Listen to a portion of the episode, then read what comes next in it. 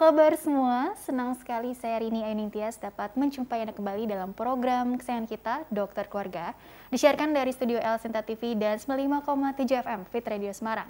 Seperti biasa, selama satu jam ke depan, kami akan menyajikan informasi seputar kesehatan Anda dengan tema spesifik kali ini mengenai kesehatan ibu hamil ya, yaitu mengenai mengupas isu seputar kehamilan. Bagi Anda yang ingin bertanya, silakan kirim saja pertanyaan ke email kami di dokterkeluarga@tv@gmail.com dan acara ini juga bisa dinikmati di Spotify Dokter Keluarga. Hari ini kita kehadiran dengan Dr. Ruswan Triani SPOG, dokter spesialis kebidanan dan kandungan dari RSIA Bunda Jakarta. Kita sapa dulu Dokter Tria panggilannya yang sudah hadir di samping saya tentunya. Halo Dokter Tria, apa kabar? Halo Mbak Rini, Alhamdulillah sehat. Gimana dengan Mbak Rini?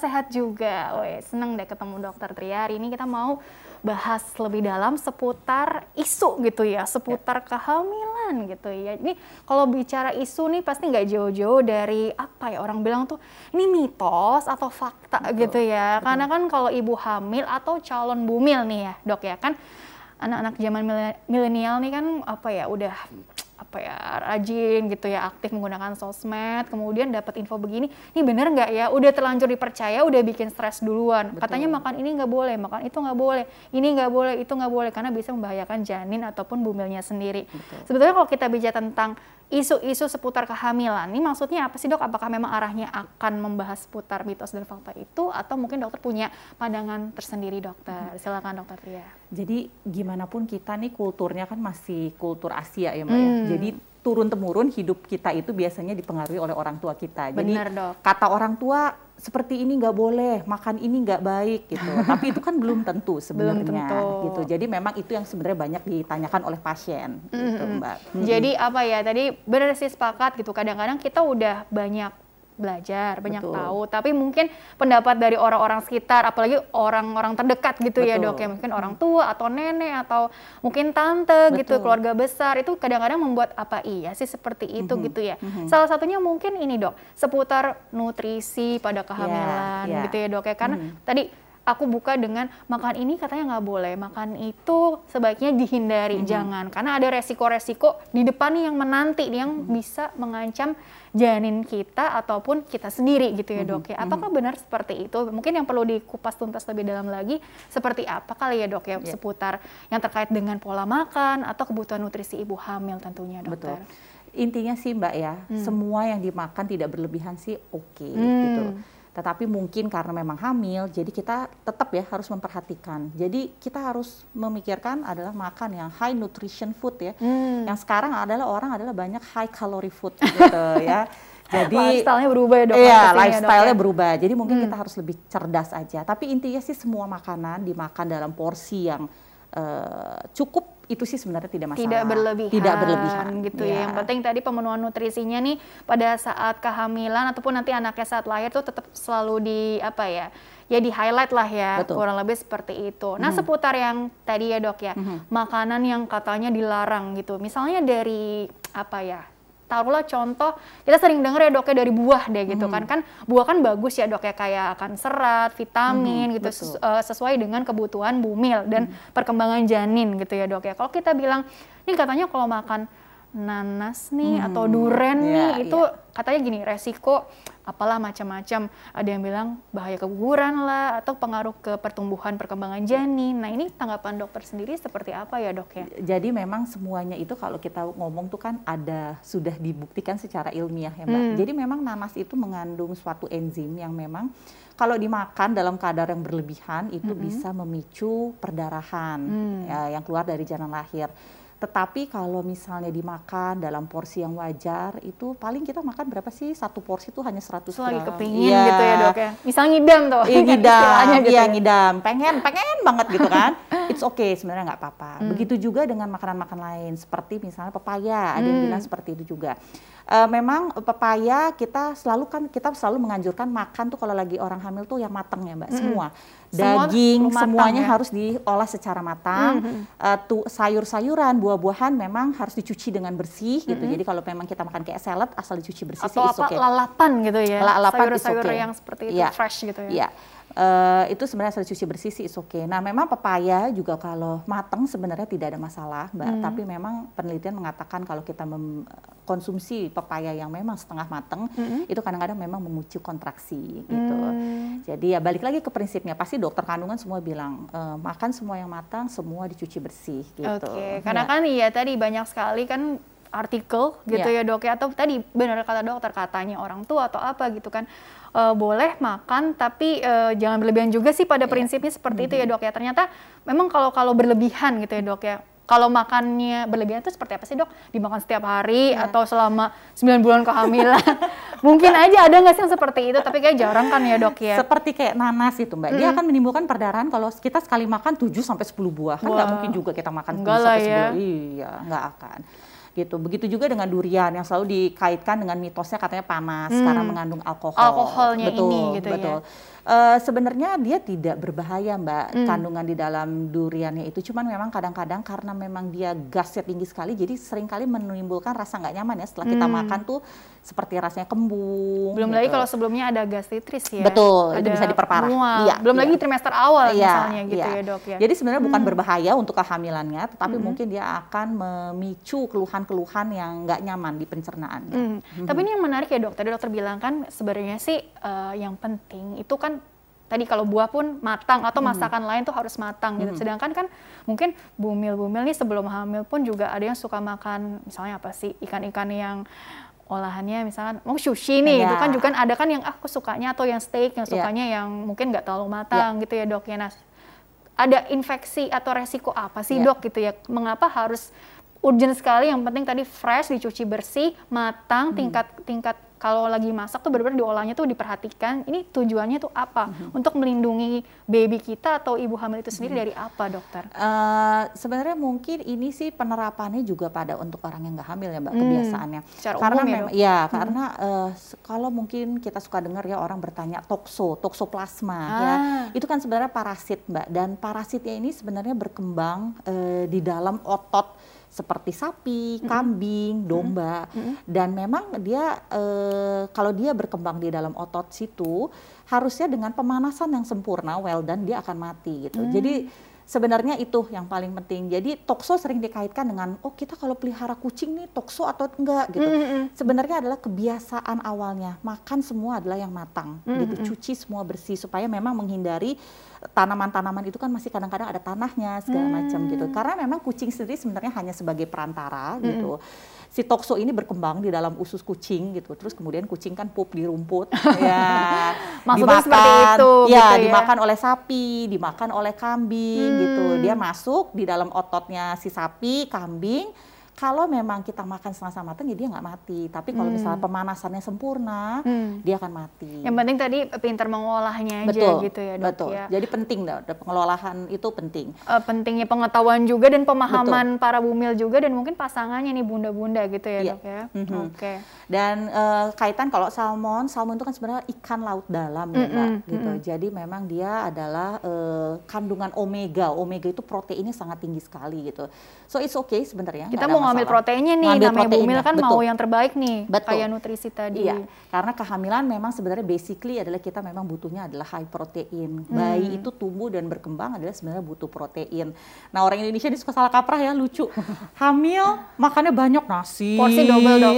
Katanya kan ini untuk porsi dua orang. Iya, nasinya banyak, uh. tempe tepung, tapi tempenya mungkin sesenti, tepungnya yang dua senti gitu ya. Jadi lebih banyak karbonya betul, gitu ya dok ya. Betul. Protein dan mungkin pelengkap yang lainnya malah justru dilupakan iya. ya. Padahal justru protein ini yang, yang harus memang lebih di, dia lebih yang lebih ya? optimal karena memang hmm. baby tumbuh dan berkembang dia adalah butuhnya protein sebenarnya. Oke. Okay. Mm -hmm. Nah, untuk kehamilan sendiri kan panjang ya, Dok. Ada trimester awal, Betul. trimester kedua dan trimester ketiga. Hmm. Nah, tadi banyaknya mitos-mitos ini kan khususnya mungkin di trimester awal kali ya, yeah. Dok ya yang yeah. Iya. uh, tadi soalnya kan sempat dibahas juga yang orang takut dengan resiko keguguran lah yeah. atau mungkin ibunya tadi kontraksi ya mm-hmm. ujung-ujungnya itu juga mm-hmm. ditakutkan mm-hmm. sih artinya ada kondisi kegawatan yang mungkin aja bisa terjadi kalau ibunya ini dalam tanda kutip lalai atau berlebihan dalam mm-hmm. tadi konsumsi-konsumsi yang makanan yang sudah kita bahas sebelumnya gitu ya dok mm-hmm. tapi memang kalau dari segi mana yang lebih penting gitu ya dok ya kita lebih menjaga tuh apakah memang di trimester awal aja atau ya enggak sepanjang kehamilan sepanjang kita kehamilan. harus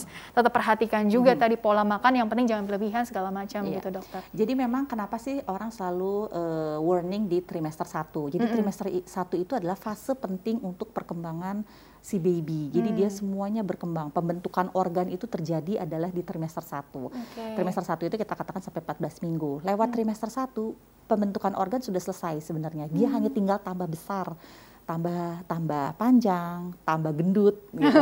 Hanya itu. Jadi cikal Jadi, bakalnya ini di, di trimester bulan satu. pertama betul, ini ya, Dok Betul. Ya? Jadi di trimester satu. Makanya nggak boleh apa ya tadi istilahnya benar-benar harus di apa diperhatikan kebutuhan nutrisinya zat gizi makro mikronutriennya jangan sampai kurang juga mm-hmm. terlalu picky pilih-pilih ini takut itu mm-hmm. uh, itu nggak berani nih apa gitu yeah. yang ada malah jadi kekurangan nutrisi betul, lagi ya dok betul ya? hmm. dan uh, memang di trimester satu ini juga biasanya kita kan keluhannya adalah berhadapan dengan pasien mual muntah nih mbak iya. masalahnya kan uh-huh. mual muntah makannya pengennya se pengen ketemunya aja nih, hmm. pengen makan ini. Apalagi biasanya nih ibu-ibu hamil trimester satu pengen banget makan uh, mie instan. pengawet dok, kan katanya gimana nih ada pengawetnya? Kalau sekali-sekali boleh dong. Iya. Atau gimana? Sesekali sih boleh mbak, sesekali boleh. Tawar menawar tuh biasanya iya, kan antara. Sesekali boleh, hmm. asal tidak dijadikan makanan pokok sehari-hari sih, it's okay. Karena gimana pun kita tahu mie instan itu hmm garamnya tinggi sekali, nah, pengawetnya tinggi sekali ya. Tinggi natrium Betul. juga ada pengawetnya juga. Jadi kalau bisa memang yang ya alami demi anak juga betul, gitu ya dok betul, ya. Oke iya. itu seputar makanan menarik ya dok ya. Tapi iya. mungkin ada juga lifestyle yang sering ditanyakan juga tapi itu ditahan dulu deh ya dok mm -hmm. ya. Mhm. Kita mau jeda dulu. Mm -hmm. Nanti di segmen selanjutnya mungkin ada pertanyaan-pertanyaan seputar kalau melakukan ini boleh nggak ya dok ya? ya. Terutama mungkin di trimester tertentu gitu ya dok ya. ya. Itu menarik. Hmm. Kita jeda dulu tapi ya. Oke. Okay. Oke pemirsa jangan ke mana-mana. Tetaplah bersama kami. Kami akan kembali sesaat lagi.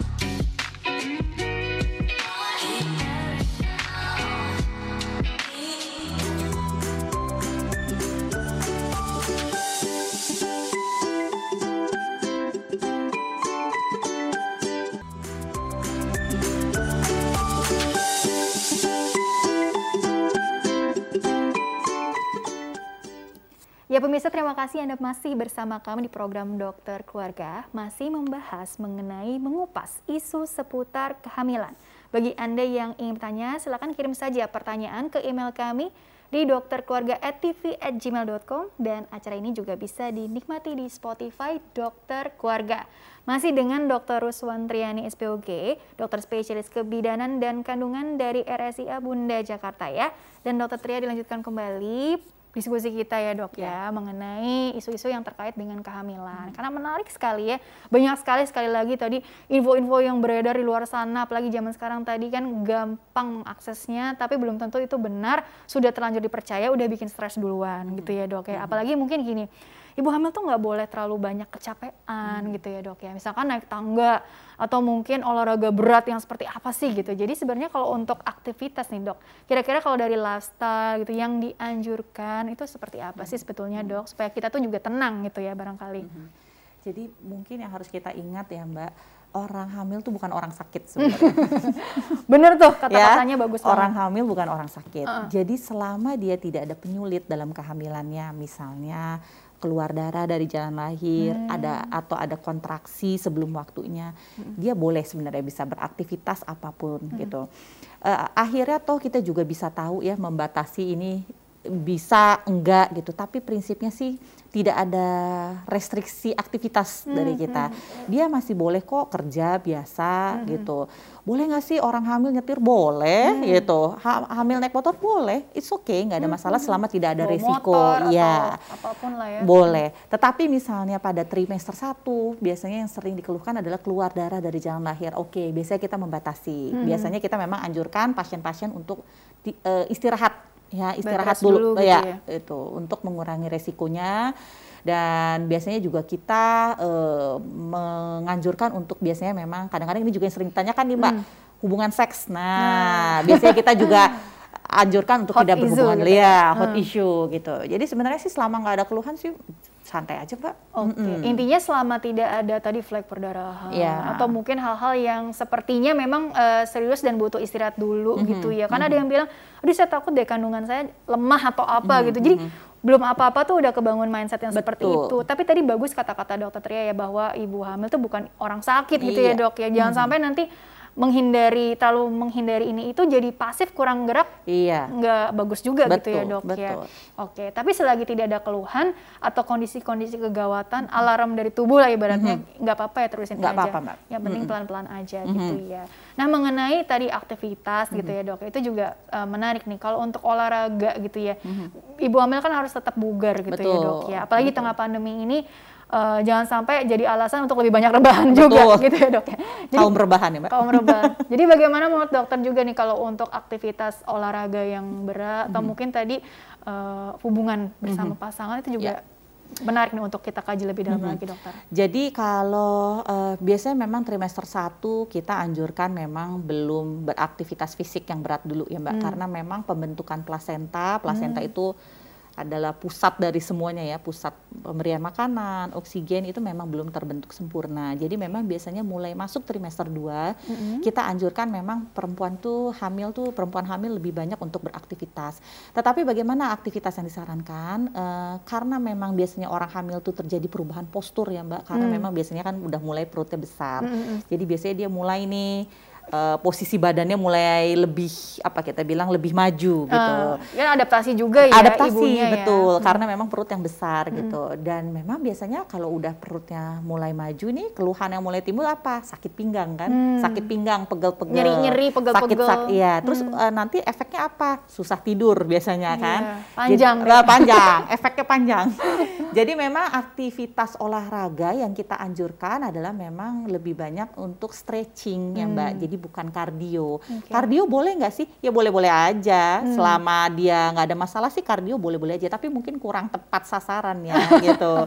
Jadi lebih banyak adalah stretching oh. gitu. Yang memang e, lebih banyak adalah untuk melatih supaya otot-otot kita nih lentur, eh, nggak e, terlalu sakit-sakit dan tidur juga pasti jauh lebih enak sebenarnya. Karena mempengaruhi kualitas hidup juga ya kalau yeah. rutin berolahraga dengan cara yang tepat. Terus tadinya tepat sasaran maksudnya yeah. dok ya. Jadi Uh, mungkin yang kalau yang high impact ya enggak lah ya. Iya, mungkin betul. sebelumnya kan punya hobi apa gitu iya, dok. Mungkin iya. agak di ya dibatasin. Yang penting tadi menjaga kebugaran, stretching iya, aja gitu ya, iya, ya dok ya. Iya, stretching. Oke, kurang lebih seperti itu. Mungkin hmm. juga kan ada senam hamil atau iya, apa iya, iya. di YouTube atau mungkin di mana nih dokter bisa kasih saran? Iya, gak? sekarang hmm. banyak kok mbak kelas-kelas senam hamil ataupun online yoga. Kali ya, iya, kan sekarang lagi pandemi. Ya, betul, ya, prenatal yoga yang lewat online tuh banyak hmm. gitu. Kalau memang senam hamil biasanya baru mulai tujuh bulan ya, karena hmm. dia lebih banyak titik beratnya adalah latihan nafas sebenarnya untuk persiapan oh. waktu melahirkan. Okay. Tapi kalau yang kita bisa mulai dari trimester 2 itu biasanya adalah yoga untuk kehamilan mm -hmm. atau mungkin berenang. Ya, ya, lagi pandemi ini ya. mungkin nggak kalau di rumahnya ada gitu kan Iya. enak ya. Sebenarnya Mbak berenang tuh virusnya mati loh di dalam kolam renang. Hmm. Cuman memang selama renang ya kita harus tetap memperhatikan protokol ya, jaga iya. jarak, Mhm. ya tetap. Selagi kita bisa menjaga tadi dengan protokol Iya. kesehatannya sih it's okay artinya okay sebenarnya. jangan jadikan itu sebagai suatu momok yang menakutkan Iya. juga gitu ya Iya, dok ya. iya. Oke, kalau dari segi aktivitas fisik yang Nah ini olahraga dengan pasangan tadi dok. Kan sering ditanyakan juga tadi kan, Iya. aduh eh, banyak soalnya yang bilang begitu Iya. dok. Apalagi kalau yang masih masih awal eh, kehamilan Iya, gitu kan. iya. Katanya tadi yang belum terbentuk apa ya istilahnya belum nempel Iya, sempurna, iya. resiko nah, gugur gitu. Bagaimana tuh? Balik lagi Mbak, pokoknya selama tidak ada perdarahan, tidak ada keluhan kontraksi, boleh. Nggak masalah Nggak gitu masalah. ya. Mm-mm. Mau- Tidak terbukti itu bahwa meningkatkan resiko kontraksi ataupun perdarahan. Oke, Jadi boleh. Intinya selagi tidak ada keluhan gitu ya, it's okay gitu ya It's dok okay. ya. Mhm. Kalau untuk apa ya, ini menarik juga dokter karena kan untuk perawatan Nah, iya. perempuan kan ya selalu lah ya kita memperhatikan penampilan. Berharapnya pada saat hamil tuh dapat glowingnya gitu ya dok ya. Tapi eh kok nggak semuanya seperti itu ya. Iya. Ada yang kok jadi lebih kusam atau Iya. apa. Sehingga kan tetap ingin memperhatikan eh, boleh nggak sih saya pakai mungkin kosmetik Iya. tertentu, Iya. skincare tertentu Iya. atau mungkin perawatan rambut gitu ya Iya, dok ya. iya. Ini bagaimana dok? Jadi memang Mbak, kita tuh selama hamil banyak sekali menghasilkan hormon ya, salah satunya namanya melasma. Jadi memang dia bikin kelihatan hitam-hitam ya. Oh melasma Iya. tuh selain matahari juga Iya, kehamilan tapi ya, dok? dalam pada kehamilan tuh menjadi lebih tinggi. Jadi memang Hormonal iya, ya? jadi Oh, memang hormonal. kadang-kadang pasien tuh ngeluhin leher hitam, Mm-mm. lipatan-lipatan hitam gitu. Itu normal sih gitu Oke. dan akan kembali biasanya nanti setelah melahirkan. Nah, eh, pengen dong pasti ibu hamil cantik, glowing, ya, dok, ya. iya. Pregnancy glow. Iya, tapi selalu ditanyakan, boleh nggak sih kita pakai kosmetik Ah. ini itu? Sebenarnya selama kalau eh, kosmetik-kosmetik yang dijual bebas kita bilang namanya over the counter ya, Hmm. Over the OTC. counter ya. ya. Jadi Hmm. itu sebenarnya sudah keluar izin eh, aman ya dari BPOM biasanya. Itu biasanya aman, Mbak, justru. Hmm. Selagi udah ada BPOM-nya. Iya, itu biasanya aman. Jadi Hmm. biasanya yang kita bisa beli bebas tuh aman. Nah, kalau memang biasanya ada krim-krim dari dokter, Ah. itu yang sebenarnya harus kita tanyakan isinya apa. Terutama yang memang eh, khasiatnya adalah untuk mencerahkan, Hmm. krim malam yang untuk mencerahkan, yang bikin ngelupas. Itu mungkin kita harus tanya, ini Stop dulu boleh nggak? Iya. gitu ya. Kan ada yang oh retinol nih nggak boleh. Nah, retinoid betul. Eh, ret- retinoid, Retinoid, ya, ya, turunan retinoid vitamin gitu A, ya. betul. Hmm. Jadi sebenarnya ya ini kalau untuk lebih detailnya bisa didiskusikan ya Iya. ke objinnya atau mungkin SPKK-nya lah ya Iya, dok yang iya. sama ini menangani kasus ibunya itu Mhm, gitu ya. mhm, Tapi pada prinsipnya berarti selagi yang tadi udah ada BPOM-nya nggak Iya, nggak masalah sebenarnya ya, iya dok ya kita bisa beli bebas gitu. Itu is okay, nggak apa-apa. Deodoran, eh, sunblock itu oke. Oke, Pakai. termasuk ini dok cat rambut atau Nah, apa ya, dok? cat rambut, mewarnai rambut, meluruskan rambut itu memang ada penelitiannya. Katanya Hmm. itu memang berasosiasi dengan resiko leukemia Oh. pada anaknya. Tapi itu Resiko masih kejanin. ah leukemia, leukemia ya jadi Hmm. kanker darah. Itu tapi itu masih terus dicari tahu gitu. Ya karena Jadi- kan harus penelitiannya juga Iya. Banyak Iya. panjang gitu Iya, ya dok iya. ya evidence base-nya harus kuat, kuat gitu ya dok iya. ya. Tapi memang dari penelitian-penelitian yang ada berasosiasi artinya berhubungan ya, Mm-mm. sedikit berhubungan. Oh jadi uh, ada yang dikait-kaitkan gitu ya Iya. dok ya. Oke. Mhm. Memang sebaiknya uh, dihindari dulu kali Iya, ya dok ya. iya. Karena kita nggak tahu kan ada zat-zat apa yang ternyata ya kimianya ya, zat ah, kimianya kita nggak tahu. kimia kimiawinya itu gitu ya Mhm, dok ya. mhm. Nah mengenai oke kosmetik, skincare Mhm. tadi sudah kita bahas juga ya dok ya. Nah kalau untuk mungkin ini karena lagi pandemi kali ya, tapi tapi nggak apa-apa dok, karena ini menarik juga kalau memang ada urgensi harus naik Mhm. pesawat untuk traveling dalam artian mungkin eh, mau kunj- kunjungan saudara atau apa gitu ya. Nah kalau ibu hamil sendiri bagaimana? Katakanlah di usia kehamilan yang berapa sih yang mulai dikatakan safe gitu untuk bepergian? Mungkin lewat jalur udara ataupun lewat laut atau apa. Nah kita kan perlu ini persiapan juga ya dok supaya nggak mungkin mual atau resiko-resiko kontraksi atau apa kan kita juga perlu tahu. Kalau di trimester 1 selama nggak ada keluhan memang terpaksa pergi it's okay. Hmm. Enak banget aman masuk trimester 2 sebenarnya. Dan memang yang selalu ditanyakan gimana nih efek eh, radiasinya Iya. pesawat gitu. Hmm. Eh, sebenarnya dikatakan dari literatur kalau dalam 4 jam penerbangan 4 jam tuh is okay gitu. Hmm. Memang dia meningkatkan ada kita bilang resiko radiasi itu kalau uh, berpergian dengan pesawat dalam satu bulan tuh lebih dari 110 jam ya katanya. Jadi makanya tuh pramugari-pramugari kalau udah hamil langsung disuruh cuti biasanya.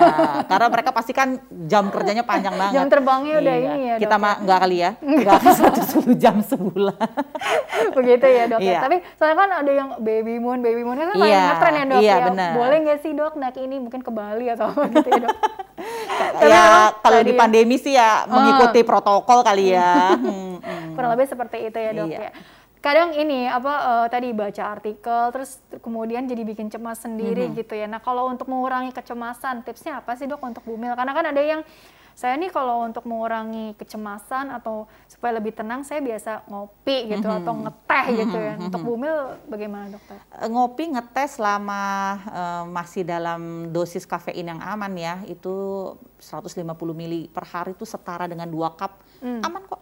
Asal mungkin ini kalau ya bukan yang kopi yang banyak gulanya ah, atau resikonya itu kan iya, ya dok iya. ya. Itu kan kalau gula ya beda lagi. Iya ya, kalau ini kan kafein, hmm, kafein ya. Hmm. Kafein ini sendiri justru bagaimana dokter? Aman dalam Aman. dua cup sehari is oke. Okay. Nggak apa-apa, asal -hmm. jangan berlebihan. Sekali -hmm. lagi seperti itu ya. Betul. ya. Oke, termasuk juga tadi soal kucing sempat kita bahas -hmm. juga ya dok ya. Uh, apa ya memelihara kucing atau binatang-binatang lainnya gitu mm -hmm. resiko nggak sih infeksi atau apa itu juga sering iya. ditanyakan juga lagi biasanya memang tetap kita ajarkan adalah pasti sih kalau habis pegang uh, kucing cuci tangan atau kalau membersihkan kotorannya adalah memang pakai sarung tangan setelah itu cuci tangan sih okay. selama masih uh, protokolnya diikuti sih relatif aman kok mbak iya hmm. jadi intinya memang jangan keburu cemas duluan hmm. atau dalam tanda kutip parno duluan yeah. gitu ya dok yeah. ya uh, yang penting tadi kalau ada apa-apa diskusikan ke dokternya Betul. mungkin bisa konsul online juga bisa, barangkali bisa. gitu ya hmm. atau nah ini bisa lihat di mungkin bisa ditampilkan ya di Instagram @rsi Bunda Jakarta atau di websitenya www.bunda.co.id agar para bunda-bunda ini ingin tahu atau cari informasi kesehatan yang akurat itu yang seperti apa sih tinggal diklik aja atau bisa di follow dilihat-lihat fitnya tuh banyak info menarik dari situ ya dok ya. Mm-hmm. Oke atau bisa juga tanya-tanya ke Instagram dokter di @triasukarya ya. Yes. Jadi mungkin bisa ditampilkan menyusul ya. Yeah. Oke kurang lebih seperti nah ini dia @triasukarya dok ya. Yeah. Oke bisa DM kan dok nanya-nanya. atau komen like.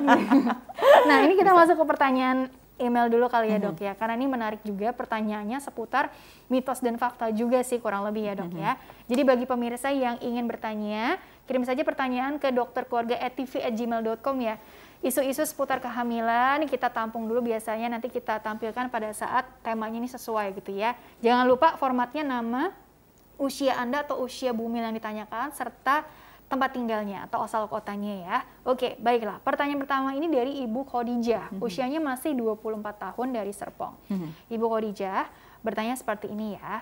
Dok, saya mau menanyakan terkait masa kehamilan. Mm hmm.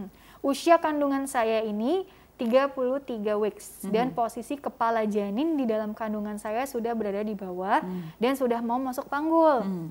Yang ingin saya tanyakan, sudah pas atau normalkah usia kandungan saya di 33 minggu ini sudah mau masuk panggul itu dokter. Mm -hmm. Terima kasih. Okay. Nah, ini bagaimana tanggapan dokter untuk Ibu Khadijah? Silakan. Oke, okay, jadi memang uh, kalau uh, kita selalu melihat Bu Khadijah ini sebenarnya riwayatnya riwayat hamil pertama atau hamil anak kedua, anak ketiga dan seterusnya. Yeah. Pada anak pertama biasanya penurunan kepala masuk ke dalam panggul itu baru terjadi di usia kehamilan 36 37. Hmm. Kadang-kadang Mbak di usia hamil trimester 3 eh, sering kali eh, bunda-bunda ini sering merasa seperti kepala tuh kayak neken ke bawah. Itu hmm. sebenarnya adalah efek karena hormon hamil ya, hormon yang memang bikin sendi di atas kemaluan tuh lebih meregang gitu. Jadi memang kerasa dia tuh kayak turun hmm. gitu. Hmm. Nah, memang untuk memastikan sendiri apakah memang kepala sudah masuk ke dalam jalan lahir itu kan perlu periksa dalam, perlu periksa. Yang pertama kita biasa periksa dari luar dan kita pastikan periksa dari dalam.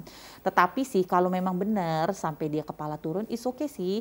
Yang selalu ditakutkan kan adalah terjadi persalinannya bakal lebih cepat cepat nih. Nah, iya, persalinan itu akan timbul kalau dia ada mules sebenarnya. Lebih dini gitu iya. ya, belum waktunya atau iya. apa. Jadi selama nggak ada mules teratur ya pasti mulut rahim nutup. Jadi itu oke, okay, nggak masalah. Okay. mm -hmm. lebih seperti itu ya. Iya. Sudah mm -hmm. cukup tenang kali ya barangkali. Tapi memang ini menarik ya kalau untuk memberikan informasi berarti bisa di ini kehamilan yang keberapa yeah. itu akan membantu dokter juga nih Betul. untuk uh, memberikan tanggapan Betul. gitu ya. Yeah. Kurang lebih seperti itu ya mm -hmm. buat ini mungkin next penanya selanjutnya lah ya gitu yeah. ya. Oke.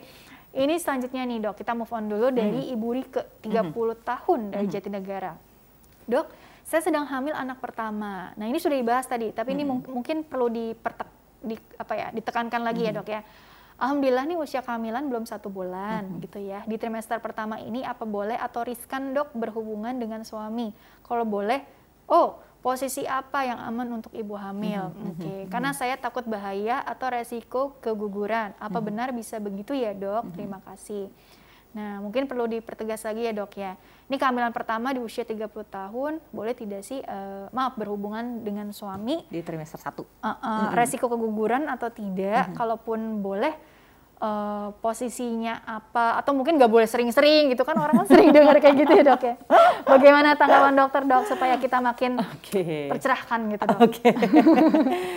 jadi uh, tadi udah kita singgung sedikit ya mbak uh. ya bahwa selama tidak ada keluar dari jalan lahir itu diperbolehkan hmm. biasanya kita sih nggak apa-apa hubungan sih nggak masalah karena memang biasa di trimester satu karena perubahan hormonal kadang-kadang hmm uh, gairah tuh juga menjadi lebih tinggi biasanya. gitu Jadi ya. ya itu sih normal gitu terjadi hmm. dan uh, posisi pada di usia hamil trimester 1 belum terlalu banyak triknya nih Mbak. Jadi kan hmm. kan karena memang biasanya perut juga masih kecil ya. jadi posisi apa pun boleh kok, nggak oh, ada masalah. Gitu Dan ya. uh, bisa terjadi keguguran nggak? Uh, kita harus kembalikan lagi ke uh, konsepnya. Jadi ke keguguran di trimester 1 itu adalah bukan karena pengaruh hubungan, bukan karena salah makan, bukan hmm. karena kecapean ya. Yeah, itu yang sering yeah. ditanyakan kan sama hmm. pasien. Jadi basically hmm. memang biasanya keguguran itu terjadi yang uh, seperti saya seleksi alam ya. Jadi hmm. memang secara kualitas kehamilan tuh nggak bagus gitu. Itu boleh dikatakan seleksi alam ya Betul, dok, ya? itu. Hmm. Jadi kita bilang secara genetik memang dia nggak bagus. Hmm. Akhirnya uh, ya Tuhan sudah mengatur gitu ya. Hmm. Terjadilah keguguran karena okay. kalau dilanjutkan kemungkinan resiko cacatnya ada oh, gitu. Jadi iya. itu memang sudah diatur.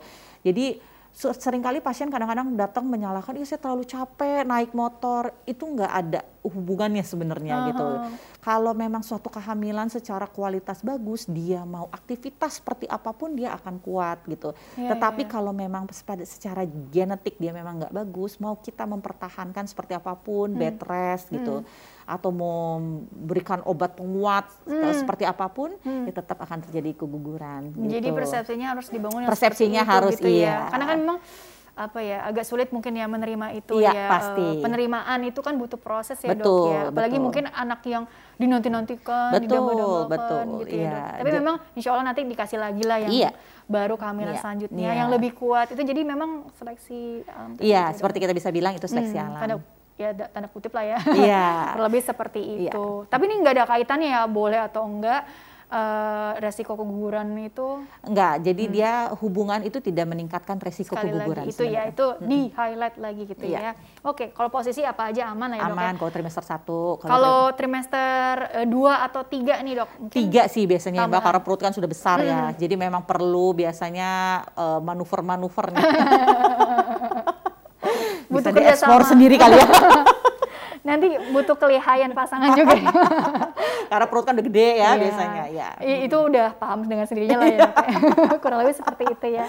Iya. Oke, pertanyaan selanjutnya nih dari Ibu Wina ya. Mm -hmm. 29 tahun dari Percetakan Negara. Mm -hmm. Dok mau tanya, saya kan baru positif hamil dan sudah diresepkan tablet asam folat serta suplemen zat besi dari mm -hmm. bidan saya. Oke, kalau saya setiap hari minum susu ibu hamil yang mengandung asam folat lagi, apakah boleh atau berlebihan nggak dok? Hmm. Tidak berlebihan kan dok gitu ya? Oke, mm -hmm. soalnya saya nggak nafsu makan banget, mm. mual terus. Tapi kalau minum susu saya masih bisa, mm. masih nafsu ya, masih ketelan lah ya mm -hmm. gitu ya. Mm -hmm. Mohon infonya, terima kasih ya dok gitu ya. Oke, khawatirnya berlebihan, apakah malah jadi racun? Uh, mungkin zat besi kelebihan atau asam folat berlebih atau nggak apa-apa itu bisa mm-hmm. larut gitu dok atau mm-hmm. bagaimana dok? Jadi uh, memang selalu isu trimester satu adalah mual dan muntah selalu ya mbak mm. itu. Uh, memang biasanya kalau pada pasien-pasien yang dengan mual muntah berlebihan biasanya kita nggak kasih zat besi dulu itu oh. menambah mual biasanya okay. mbak jadi mm -hmm. di stop gitu uh, nanti Atau... mungkin konsultasi lagi ya kan oh. kan harus dilihat-lihat apakah memang nih bidannya nih ngasih zat besi apa karena memang ada riwayat kurang darah iya, gitu kan iya. Tapi biasanya itu akan memperparah mualnya gitu. Nah, eh, kalau kita juga harus lihat berapa mikrogram yang diberikan asam folatnya gitu. Mm -hmm. Biasanya rata-rata 400 mikrogram gitu. Dan di dalam susu hamil memang perbedaan susu hamil dengan susu biasa adalah susu hamil itu sudah dilengkapi dengan vitamin yang memang dibutuhkan untuk orang hamil mm -hmm. yaitu adalah biasanya asam folat, zat besi, kalsium, kemudian vitamin untuk otak bayi Mungkin vitamin B apa ya, gitu ya. ya. Dan rata-rata itu juga masih dalam kadar sekitar 400 mikrogram. Jadi sebenarnya itu saling melengkapi biasanya antara mg gitu iya, ya. Hmm. jadi antara vitamin kemudian dengan susu itu biasanya saling melengkapi. E, memang e, susu juga sering kali digunakan pada pasien-pasien yang muntahnya berlebihan ya, karena hmm. memang mungkin dia lebih enak minum susu gitu. Yeah. It's okay selama nggak e, masih e, apa, jadi jangan takut menjadi gizi, gizi atau vitaminnya berlebihan, mm-hmm. enggak karena kelebihan itu pasti, malah bahaya obes ya, atau apa ya, gitu ya. Ya memang relatif memang biasanya susu-susu hamil dikasih e, gula ya agak banyak, mm-hmm. karena memang dia kan zat besinya tinggi, mbak. Jadi biasanya kalau kita minum tuh aftertaste-nya agak pahit gitu. Hmm. Jadi memang dia agak dikasih pemanis biasanya lebih okay. banyak gitu. Hmm. Jadi sebenarnya nggak apa-apa, boleh kalau memang lebih enak minum susu nggak apa-apa, boleh aja minum susu. Nggak masalah hmm. gitu ya. Artinya nggak usah khawatir berlebihan iya. atau apa malah jadi bahaya, jadi bumerang buat iya. dia. Nggak begitu juga gitu ya dok iya. ya. Mm -hmm. Tapi ini menarik ya dok ya seputar mm pemenuhan nutrisi tadi ya dok mm -hmm. ya karena kan ada kondisi di trimester awal tadi kan mual muntah yeah. sedangkan kita kan harus ngejaga supaya pertumbuhan apa baby gitu ya yeah. dok ya atau kenaikan berat badan lah ya istilahnya mm -hmm. apa dok itu harus sesuai target yeah. gitu ya dok ya yeah. nggak kurang nggak nggak berlebihan juga yeah. gitu ya yeah. dok ya karena ada seribu hari pertama kehidupan atau apa kan sering-sering kita dengar tuh ya dok ya makin ke sini ya mungkin yang perlu ditekankan apa dokter karena kan ya terlalu banyak mitos dan fakta dan hmm. kita pengen ngambil sikap yang bijak tuh yang seperti apa hmm. sih supaya kita juga bisa kuat, babynya juga insya Allah juga hmm. sehat gitu hmm. dokter. Memang ada yang mual muntahnya berlebihan ada mbak, artinya setiap dia makan lebih banyak muntahnya daripada masuknya. Nah Bener, dok. itu ada yang kita bilang berlebihan. Hmm. Jadi memang kalau pada kasus-kasus berlebihan itu biasanya kita memang anjurkan untuk rawat dulu biasanya. Hmm. Yang satu biasanya untuk memasukkan cairan gitu, karena kalau dia kurang cairan juga kan lebih nggak baik untuk keadaan dia. Yang kedua adalah biasanya memasukkan obat-obatan yang untuk mengurangi keluhan yang memang -hmm. pasti aman mengatasi untuk orang gejala hamil. Gitu ya, mengatasi gejala. Karena gimana pun obat yang dimasukkan lewat suntikan biasanya kerjanya akan lebih cepat dibandingkan -hmm. obat yang minum gitu. Nah, eh, dan biasanya kita juga anjurin karena orang dengan hamil itu sedikit sekali yang nggak pakai mual muntah mbak karena itu kan hormon hamil yang memang bikin mual muntah. Kalau hamil gitu. kebo itu jarang ya dong? Uh, ada sih mbak tapi mungkin itu harus benar-benar orang tuh bersyukur banget deh kalau hamilnya oh, iya, nggak pakai mual muntah ya hmm. Eh, kebanyakan ya memang mual muntah ya, gitu. namanya hormon ya? Iya namanya hormon gitu dan biasanya makin besar usia hamilnya dia makin akan bertambah hmm. uh, parah akan bertambah hebat keluhannya dan biasanya puncaknya tuh di 10 minggu. Hmm. Setelah 10 minggu dia biasanya akan membaik membaik dan hilang biasanya masuk di trimester semester 2 iya, gitu. Itu memang fasenya Betul, gitu ya. fasenya. Jadi memang biasanya yang kita selalu uh, ajarkan pada bunda-bunda ini adalah satu makan tuh udah pasti nggak akan bisa langsung banyak, mbak. Nggak hmm. akan kayak kita kalau nggak hamil langsung satu porsi habis gitu nggak hmm. bisa, hmm, hmm. karena memang ada uh, appetite-nya gitu ya. Iya, dan hormon hamil tuh bikin memang uh, si usus nih kerjanya menjadi lebih lambat hmm. gitu. Jadi hmm. biasanya diakalin porsinya sedikit-sedikit tapi sering. Oh. Kemudian gitu juga kita biasanya anjurkan makan yang emang protein ya. Jadi orang hmm. selalu bilang harus makan nasi, makan nasi. Justru kita malah trimester satu kadang-kadang nggak pengen makan nasi. Hmm. Pengen makan kentang kan uh, karbo bisa kita ganti sebenarnya. Hmm. Bisa roti, bisa kentang -hmm. gitu dan ya kita anjurkan biasanya uh, lauknya dagingnya gitu ya memang kadang-kadang di trimester satu tuh terjadi penurunan berat badan mbak mm. gitu tapi kalau eh, nggak uh, usah takut karena memang kita juga masih punya cadangan zat makanan kita sebenarnya yeah. di iya. badan kita dan memang biasanya nanti di trimester 2 kita harus kembalikan nih mulailah harus terjadi kenaikan berat badan mm. gitu dan biasanya nanti di trimester 3 gitu. Iya. Jadi memang kadang-kadang di trimester 1 penurunan berat badan itu ya masih bisa kita tolerir lah karena memang iya. biasanya mual muntah gitu. Hmm, karena memang ya ada kondisi mual muntahnya itu iya, sekali betul, lagi ya. Betul. Dokter, kita jeda dulu deh kalau gitu. Iya. Nanti dilanjutkan di segmen terakhir sekaligus take home message dari dokter ya. Iya. Oke, baiklah pemirsa jangan ke mana-mana, tetaplah bersama kami. Kami akan kembali sesaat lagi.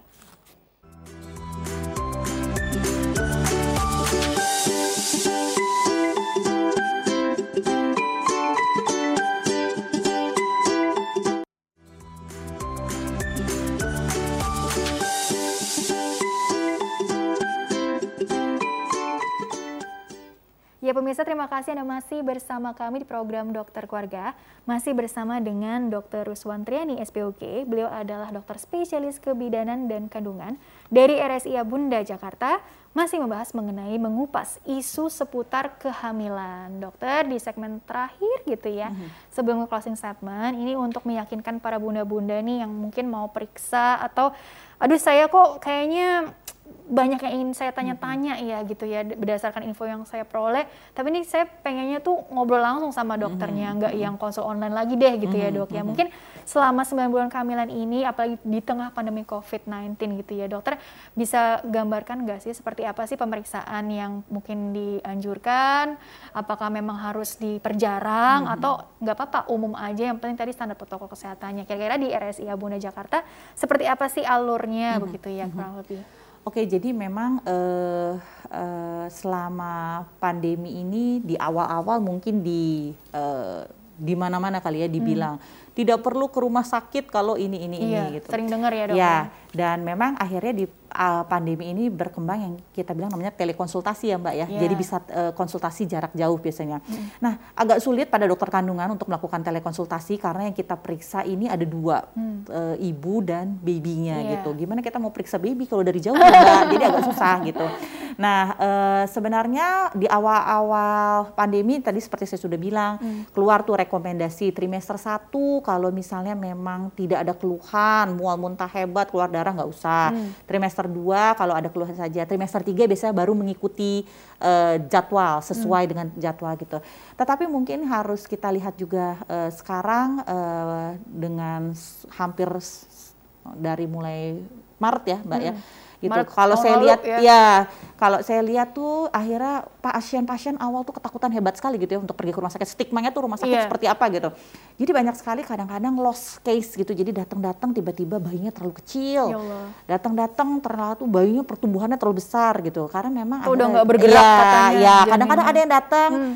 Sudah meninggal gitu. Hmm jadi uh, justru malah nggak terpantau gitu. Sebenarnya hmm. mungkin lebih bijak menurut saya kalau memang akhirnya mencari eh, fasilitas-fasilitas uh, kesehatan yang memang uh, protokol untuk kesehatannya baik ya Di gitu. COVID ini ya, ya untuk ya jadi biasanya adalah dimulai dengan waktu kunjungan biasanya appointment karena untuk membatasi supaya pasien tidak terlalu lama untuk hmm. menunggu ya hmm. dan tidak terlalu bertumpuk di ruang tunggu gitu dan biasanya juga di screening tetap untuk di fasilitas kesehatan semua tenaga kesehatannya biasanya rutin melakukan pemeriksaan berkala dan memang melakukan pembersihan ya di area-area umumnya gitu.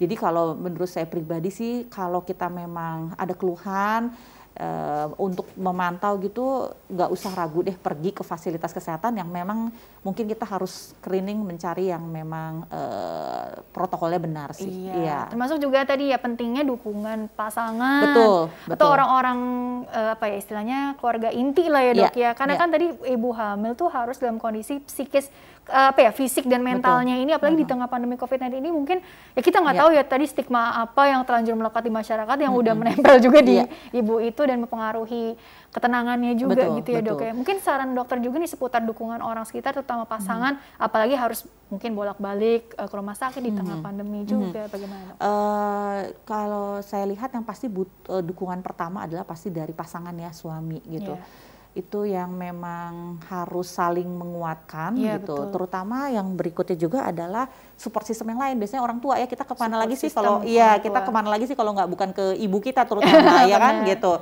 Ibu Jadi, mertua juga. Ibu ya biasanya tapi ibu sendiri dulu ibu ya sendiri. biasanya ibu sendiri dulu. Ibu mertua juga lah pasti gitu. Jadi itu yang memang harus kita kuatkan dan mungkin di era pandemi ini juga harus pinter-pinter ya nyaring berita gitu. Jangan yeah. terlalu semua diambil gitu dan Bener, apa pun bisa didiskusikan sebenarnya sama hmm. dokternya gitu. Jadi okay. jangan semuanya mengambil kesimpulan, ya takut ini ini semuanya sebenarnya bisa didiskusikan okay. gitu. Oke. Hmm. Nah, itu pas banget ya. Yeah. Ada tuh website rumah sakit www.bunda.co.id ya yeah. atau Instagramnya di @rsia Jakarta ya. Kan banyak juga tuh info-info yang bisa kita ambil dari situ hmm. yang tentunya yang akurat dan juga kan udah melewati proses apa ya editing yang katakanlah udah dipantau juga oleh dokternya Betul. konten ini benar-benar akurat terpercaya reliable Iya, gitu ya dok iya. ya atau bisa juga tanya-tanya via DM di Instagramnya dokter ya coba Iya. ditambahkan lagi @tria sukaria Yes. boleh kan dok misalkan Boleh. para bunda nih mau nanya-nanya lebih detail lagi seputar kehamilannya ke dokter gitu Boleh. ya boleh banget ya dok ya oke yang penting tadi supaya tenang cari info yang benar-benar insya Allah akurat Iya. kemudian juga kalau memang ada yang perlu ditanyakan dikonsulkan jangan ragu untuk Betul. Pemeriksaan gitu Pemeriksaan, ya dok ya cari fasilitas yang Betul. kesehatan yang memang protokol kesehatannya baik ya. Iya, tadi kan juga ada videonya kan eh, pemeriksaan di tengah pandemi COVID-19 Ya. seperti apa gitu. Jadi nggak usah khawatir Ya, gitu ya dok ya. ya. Oke. Gitu. Dokter, mungkin karena waktunya juga bisa dibilang kan cukup terbatas gitu ya dok ya. Jadi sebenarnya gini, dari arah pembicaraan kita kan selama satu jam itu kan cukup banyak ya tadi mitos dan fakta yang kita kupas tuntas satu persatu dan insya Allah bunda-bunda juga jadi jauh lebih tenang dan oh ternyata asal nggak berlebihan, asal nggak ada keluhan seperti ini aman-aman aja kata dokter it's okay aja gitu ya dok ya. Nah mengenai kesimpulan yang bisa dokter sampaikan yaitu mengupas isu seputar kehamilan apa yang kira-kira dokter ingin highlight lagi sebagai closing statement silakan dokter. Selalu yang sel- saya tegaskan, Hmm. eh, orang hamil bukan orang sakit. Ya. Oke, jadi aktivitas selama kita tidak ada keluhan, keluar darah dari jalan lahir atau kontraksi yang memang sebelum waktunya, it's okay. Lakukan aja seperti biasa gitu. Eh, malah itu lebih baik ya buat kita kalau bisa beraktivitas biasa dan semua makanan biasanya kalau memang dimakan dalam eh, jumlah wajar dalam durasinya juga wajar itu nggak ada masalah sebenarnya cuman mungkin memang pada hamil kita harus lebih banyak mempertimbangkan adalah memilih makanan yang tepat untuk kita dan bayi kita asupan protein Iya. dan juga jangan lupa juga eh, mungkin vitamin atau Ya, suplemen betul. tambahan ya dok ya. Ya, dan selalu berdiskusi dengan dokternya kalau memang ada hal-hal yang dirasakan ragu. Ya, Iya. jadi jangan hanya membaca saja kadang-kadang mengambil Menyimpul- kesimpulan. Menyimpulkan sendiri udah keburu stres Iya, ya dok ya. betul. Selalu diskusikan dengan dokternya. Iya, supaya tadi kan eh, sehat fisik mentalnya Betul. kan ibunya senang, bayinya juga senang dong. Iya, bisa pasti. merasakan langsung. Pasti, ya. iya. Kurang lebih seperti itu. Mhm. Oke, Dokter Tia, terima kasih Sama-sama, telah Mbak. berbagi ilmunya Oke. di sini ya. Insya Allah membawa banyak manfaat untuk orang banyak. Sukses selalu untuk dokter ya dok. Terima ya. kasih. Ya. Oke. Okay. Dan pemirsa terima kasih juga Anda telah mengikuti program ini. Saya Rini Ayu Tias beserta seluruh krim tugas mohon undur diri dari hadapan Anda. Sekian dan sampai jumpa.